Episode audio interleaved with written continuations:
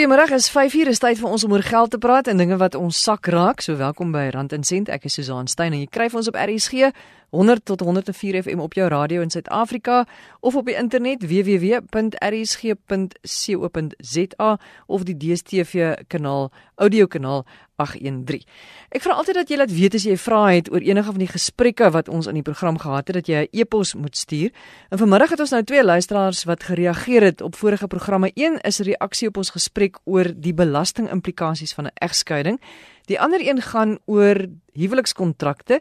Iemand wat wil weet wat gebeur as mense net saam bly? Het hulle dan ook 'n kontrak nodig en hoe moet dit lyk? Ons begin met die vraag oor die belasting. Piet Null is 'n geoktroeëerde rekenmeester, soos die Engelse sê, CA. Hy eh, spesialiseer in belasting en hy doen ook belastingopleiding. Hy is byvoorbeeld 'n besoekende professor by Wits. En Piet, 'n luisteraar het geskryf vir e-pos. Hy sê sy het al die jare kinders grootgemaak en sy het nooit 'n salaris verdien nie. Nou sy geskei. Uh, sy het die huis gekry en sy het 'n klein bedrag geld gekry en haar man gaan onderhoud vir die kinders betaal. En sy het nou besluit sy het 'n woonstel in haar agterplaas wat sy altyd gebruik het vir die kinders om in te speel en die woonstel gaan sy nou begin uitverhuur. So sy gaan 'n inkomste verdien. Sy sê sy maak ook klere en sy het vir mense begin klere maak en daar is nou hierdie klein bedragies wat nou so stuk stuk uh, van oral af inkom. Nou wil sy weet, moet sy registreer vir belasting? Ja, die die vraag is is is eintlik nogal redelik kompleks, maar dit is dit is tog waarskynlik eenvoudig. Soos so ons aanvaar dat die persoon nooit voorheen vir belasting geregistreer het nie, nou was nooit rede vir dit nie. Uit die en dit word deur ons belastingadministrasie wet hanteer. Uit die wetsoogpunt sê hulle jy moet belasting vir belasting registreer as jy moet belasting betaal. So logies sal dit as 'n basis, ons praat gewoonlik van 'n belastingdrempel. Daar's sekere kortings vir individue en 'n persoon onder die ouderdom van 65 moet meer as 75000 rand in hierdie jaar verdien om belasting te betaal. So dis gewoonlik jou eerste toets. As die inkomste meer is dit dan sal jy moet belasting betaal. Maar die wet sê ook as jy 'n besigheid bedryf dan dan dan moet jy dan moet jy belasting betaal. Nou hierdie kom ons sê die begin koekbak en miskien aan 'n aan 'n uh, tuisnywerheid of so verkoop en ons gaan nou gesels oor die Airbnb mense kan baie keer argumenteer dat dit dis dalk nie 'n besigheid nie. Jy weet jy dis amper iets soos 'n stokperdjie. Jy doen 'n bietjie om te help met die kostes en so om bydra met die kostes te maak. Maar die oomblik wat dit natuurlik nou 'n groter omvang aanneem en 'n ou nou regtig dit op 'n basis doen, dat dit verseker nie meer net 'n verhaling van kostes is of 'n of 'n weet soos 'n soort gelyk aan 'n stokperdjie en dan word dit 'n besigheid. En dan sal 'n mens moet registreer. Die Airbnb, my ondervinding van dit baie mense vra daaroor is eintlik in 'n mate dat dit 'n tipe van 'n huurinkomste is wat jy kry. Hoewel dit meer is, jy gee bietjie losies in in in in wese uit die belastingoogpunt uit lyk dit ook so. En en logies sit jy nou hier met 'n klomp kostes ook. So sy sal 'n klomp kostes wil aftrek want jy jy het water en ligte en en goeder om en dis hulle met die met die goed wat sy bak uh, logies gewys. So uh, dit word gewoonlik gesien as besigheidsinkomste. Daai BNB self sal doen nou dit net een of twee keer 'n jaar. So dit dit sou dit sou verseker gesien word as besigheidsinkomste en sou dan noodsaak dat sy wel moet geregistreer.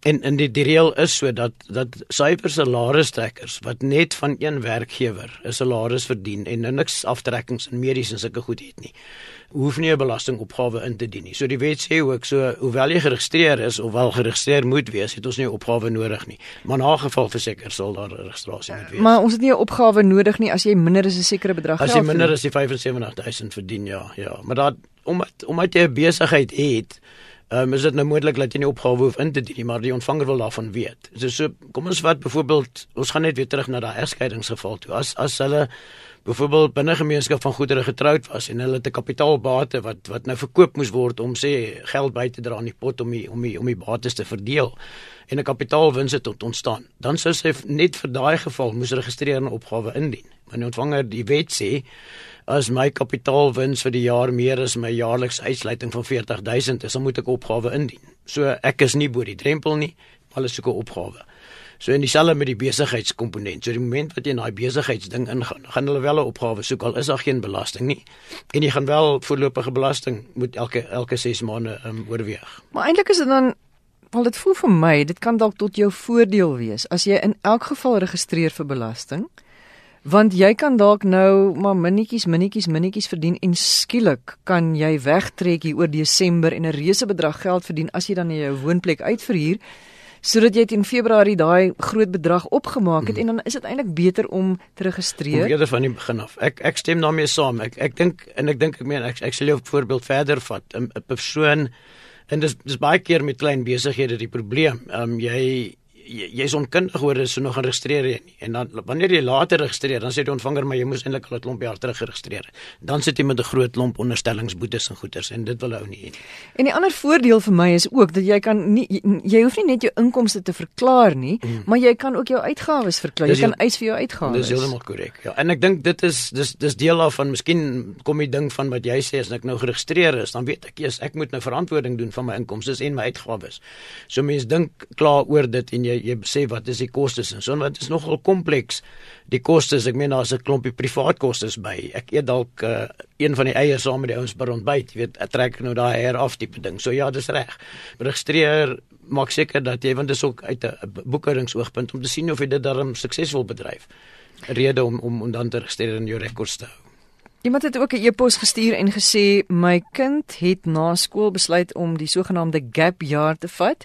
Doen loswerkies oral, verdien soms meer, verdien soms minder.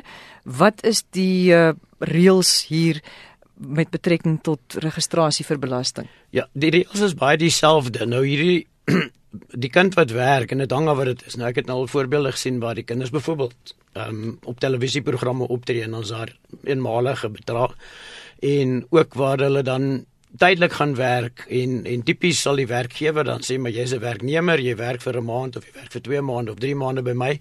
So hulle gaan hulle hulle registreer gewoonlik dan outomaties die persoon by die belasting want dit so dit werk as hulle belasting aftrek en en hulle hulle trek nogal 'n hoë koersbelasting af. So die die belastingwet of die belastinggewer se praktyk is dat ek 25% belasting op tydelike indiensneming moet betaal. So 'n mens um, so logies gaan jy dan outomaties geregistreer word en hulle gaan die belasting aftrek. As die werk in 'n onafhanklike hoedanigheid gedoen word, so jy word nooit 'n werknemer van die plek nie, dan kan jy dit onafhanklik beskou en jy weet en solank dit dan onder die drempels is, dan sal die mense nou nie nodig hê om te registreer nie, maar ek dink tipies daai gap jaar kinders, um, die werkgewers gaan hulle outomaties registreer. En 'n werkgewer en die belastingstelsel, se stelsel vra nie wat is jou inkomste vir die jaar nie. Hy sê wat is jou inkomste vir die maand en daarvolgens maak hy die maak hy die bepaling of jy moet registreer ja of nie. Weet jy kan jy 'n verhaaltjie vertel van myself. Hmm. Toe ek nou begin werk het, het ek ook 'n 1000 loswerkies gedoen en ek kan onthou mense het vir my gesê, "Nee, jy moenie nou registreer nie want jy wil nie nou al onder die aandag wees van die belastingman nie en jy weet nie, miskien gaan jy weer studeer en so aan." En uh, my pa het daarop aangedring, ons doen die regte ding mm, en ek het mm. geregistreer en ek moet jou sê dat dat ek het geregistreer en ek het altyd my opgawes ingevul of iemand anders uh het dit vir my gedoen en ek het nog elke jaar geld teruggekry van die belasting. Ja. Ehm um, so ek dink is 'n goeie ding om te registreer. ja, dit is baie druk op ons as belastingpraktisyns as jy kliënt dink ja, jy is daarom om elke jaar geld terug te kry. maar jy het jy die regte ding gedoen. Ek dink dit is dit is so in, in die stelsel raak so veral in die diensbedryf dat die ontvanger, ek meen daar's daar's 'n uh, een van ons baie ou belastingkundiges, uh, Eddie Broombeek het altyd gesê daar's daai storie van daai Midas wat gewens het alles wat hy kan aanraak te verander in goud en ons sê in Suid-Afrika as jy werk verander dit in belasting. Jy weet so so uh, 'n mens moet die moment wat jy diens lewer moet jy verwag dat daar belasting gaan wees en maar so gouer hoe gouer registreer hoe beter. Soos wat ek sê want daar's boetes as 'n mens later registreer terwyl jy al vroeër moes geregistreer. As jy dan nou registreer, hoe moet jy dit doen? Sê nou maar ek is nou 'n jong mens of ek is nou hierdie persoon wat nou geskei is waar op aarde begin ek? Ja, dit is um, en dis eintlik deesdae ek dink dalk nie so maklik nie. Ek het dit nou lanklaas self gedoen vir vir mense. Die ontvanger verwag dat jy jou eintlik by hulle kantore opdaag en sê ek wil registreer. Daar's 'n eenvoudige inligting wat hulle vra. Hulle lê dit elektronies vas en hulle kry ook biometriese data van jou. So jou jou vingerafdruk word nou geneem en 'n 'n foto word van jou geneem sodat dit behels. En 'n mens kan op die ontvanger se webblad kyk, ehm um, wat se inligting nodig is. Is is is besonderhede soos jou jou naam, adres, ehm um, bankbesonderhede, telefoonnommer, kontakbesonderhede. So dit behels dat 'n mens ingaan kantoor toe, fisies die inligting vir hulle gee en dan word die registrasie van daar af gedoen. Gaan 'n ander punt. Ons het nou gepraat oor die jong mense wat nou moet registreer, maar sien hmm. nou maar jy gaan werk nou vir 'n jaar of 2 na skool. Jy het nou geregistreer as belastingbetaler en dan gaan jy skielik vir 3 of 4 of 5 jaar studeer en jy het nou geen inkomste nie. Ja, dit dit, dit gebeur baie um, in in in en men hy feite stel is 100%. Uh, as 'n reël, as 'n mens dan nou geregistreer is as 'n belastingpligtige en jy die jaar niks inkomste en nou hoef jy opgawe in te dien nie. So dis hoe die hoe die wet dit hanteer. Maar moet, moet jy hulle net laat weet ek het niks te nie. Um, ja, tegnies hoef jy nie. Die ontvanger vra baie keer en dan vra hy weet maar hoekom wat dit verander in jou omstandighede. So ek dink dit is dit is waarskynlik konservatief reg om in die eerste jaar se opgawe in te skryf en sê maar ek verdien nie meer inkomste nie, maar tegnies volgens die regulasie hoef jy glad nie opgawe in te dien as jou inkomste nul is nie, jy weet ja. En as jy nou vir 3 of 4 jaar oor see gaan werk soos wat baie jong mense ja, doen, wat doen jy ja. dan?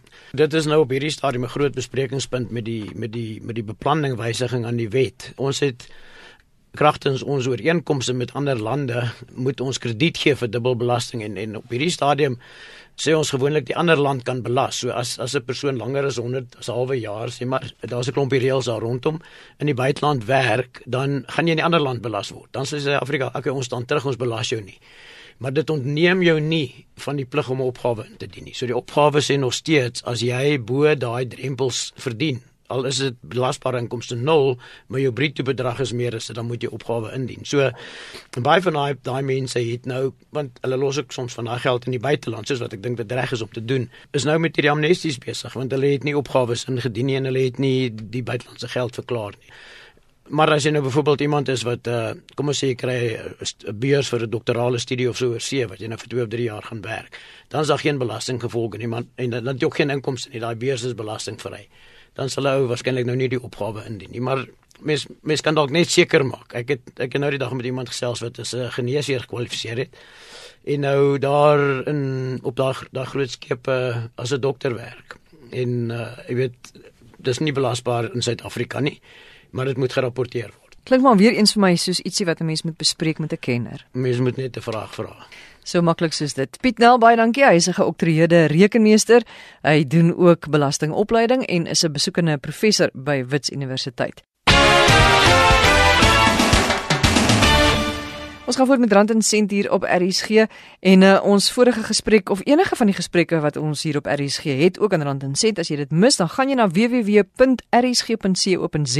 klik op potgooi dan kan jy weer na enige iets gaan luister. Nou ons het uh, twee weke gelede het ons gepraat oor huwelikskontrakte wat in plek moet wees voordat jy in die huwelik tree. Baie mense het nou gevra maar wat van as jy nou net saam woon? Met iemand of julle is in alle opsigte lewensmaats, julle deel 'n huis, julle het selfs 'n huis saam gekoop, is dit nodig dat 'n mens 'n kontrak moet hê of is daar nie 'n kontrak vir mense wat saam woon ook nie? En Nicoline Skuman Lou van Skuman Law ingelyf sê dit is uiters noodsaaklik vir enige paartjie om 'n kontrak te laat opstel veral vir paartjies wat ehm um, saam woon en nie getroud is nie, omdat jy geen regte het as jy net saam woon en jy nie getroud is nie. Die probleem is in Suid-Afrika, daar is wetgewing op pad, maar die wetgewing is nou al op pad vir baie jare en is nog nie formeel deur al die prosesse om om offisieel wetgewing te wees nie. En dit sal dan hierdie verhoudings beter reguleer as wat ons tot op op hede gesien het. Maar die feit van die saak is mense wat in saambly ooreenkomste intree of daar kontrak is of nie, geniet nie die graad van beskerming wat mense wat wel trou doen nie. En wat meer is is daar is nie 'n daar is nie wetgewing tans in Suid-Afrika wat hierdie verhoudings reguleer nie. Ons hoop dat dit binnekort daar sal wees, maar dit dit is nog nie. So tans as jy nie 'n kontrak verlei nie, tree nie 'n geskriftelike kontrak in met jou ander helfte in die verhouding nie, dan as iets verkeerd sou gaan en ons bedoel kom ons sê daai eiendom word saamgekoop en nou verbrokkel die verhouding en iets moet gebeur met daardie eiendom. Dan is dit nog steeds 'n besluit wat saamgeneem moet word. En dit probleem is, dis nie altyd prakties uitvoerbaar dat daai besluit nog saamgeneem kon word soos wat dit sou kon word wanneer alles nog goed en wel is nie. En dan is jou enigste remedie om hof toe te gaan om 'n bevel te kry om te doen met die met die eiendom wat gedoen moet word. Maar dan, as daar geen kontrak is nie, moet jy eerstens bewys dat daar hierdie tipe verhouding bestaan het voordat ons selfs kan praat oor wat gaan ons doen met betrekking tot hierdie eiendom as 'n voorbeeld of hierdie belegging of wat ook al die geval mag wees. So daardie dispuutsituasie is regtig verskriklik problematies as daar nie 'n kontrak is nie. Word dit nie 'n probleem as een party dit eintlik in in sy of haar agterkop het dat 'n ander party gaan na my kyk nie. So jy weet wanneer dit ook word soos 'n huwelik van ek bly by die huis, ek is die tuiste skepper en jy gaan uit en jy verdien die geld en um, ek maak die huis oulik, maar jy bring vir ons die grootste hoeveelheid geld en dit is wanneer die probleme ontstaan. Dit is definitief een van die groot ehm um, groot redes van waar ehm um, probleme ontstaan is sulke situasies. Die huwelik as mens nou uit uit 'n regsoogpunt daarna kyk, die instansie van van die huwelik gaan daaroor dat jy kontrakteer om die ander persoon te ondersteun gedurende die huwelik. So dit beteken in daardie konteks dat as iemand die rol van die broodwinner vervul, daar 'n verwagting is uit 'n regsoogpunt af dat dit so moet wees en ek is geregtig op hierdie ondersteuning, finansiële ondersteuning wat ek kry. Die probleem is met 'n saambly-ooreenkoms is daar geen onderliggende wetlike aspekte wat daardie ondersteuning wat jy op daardie ondersteuning kan aanspraak maak as jy die persoon is wat die tuiste skepper is in hierdie voorbeeld nie.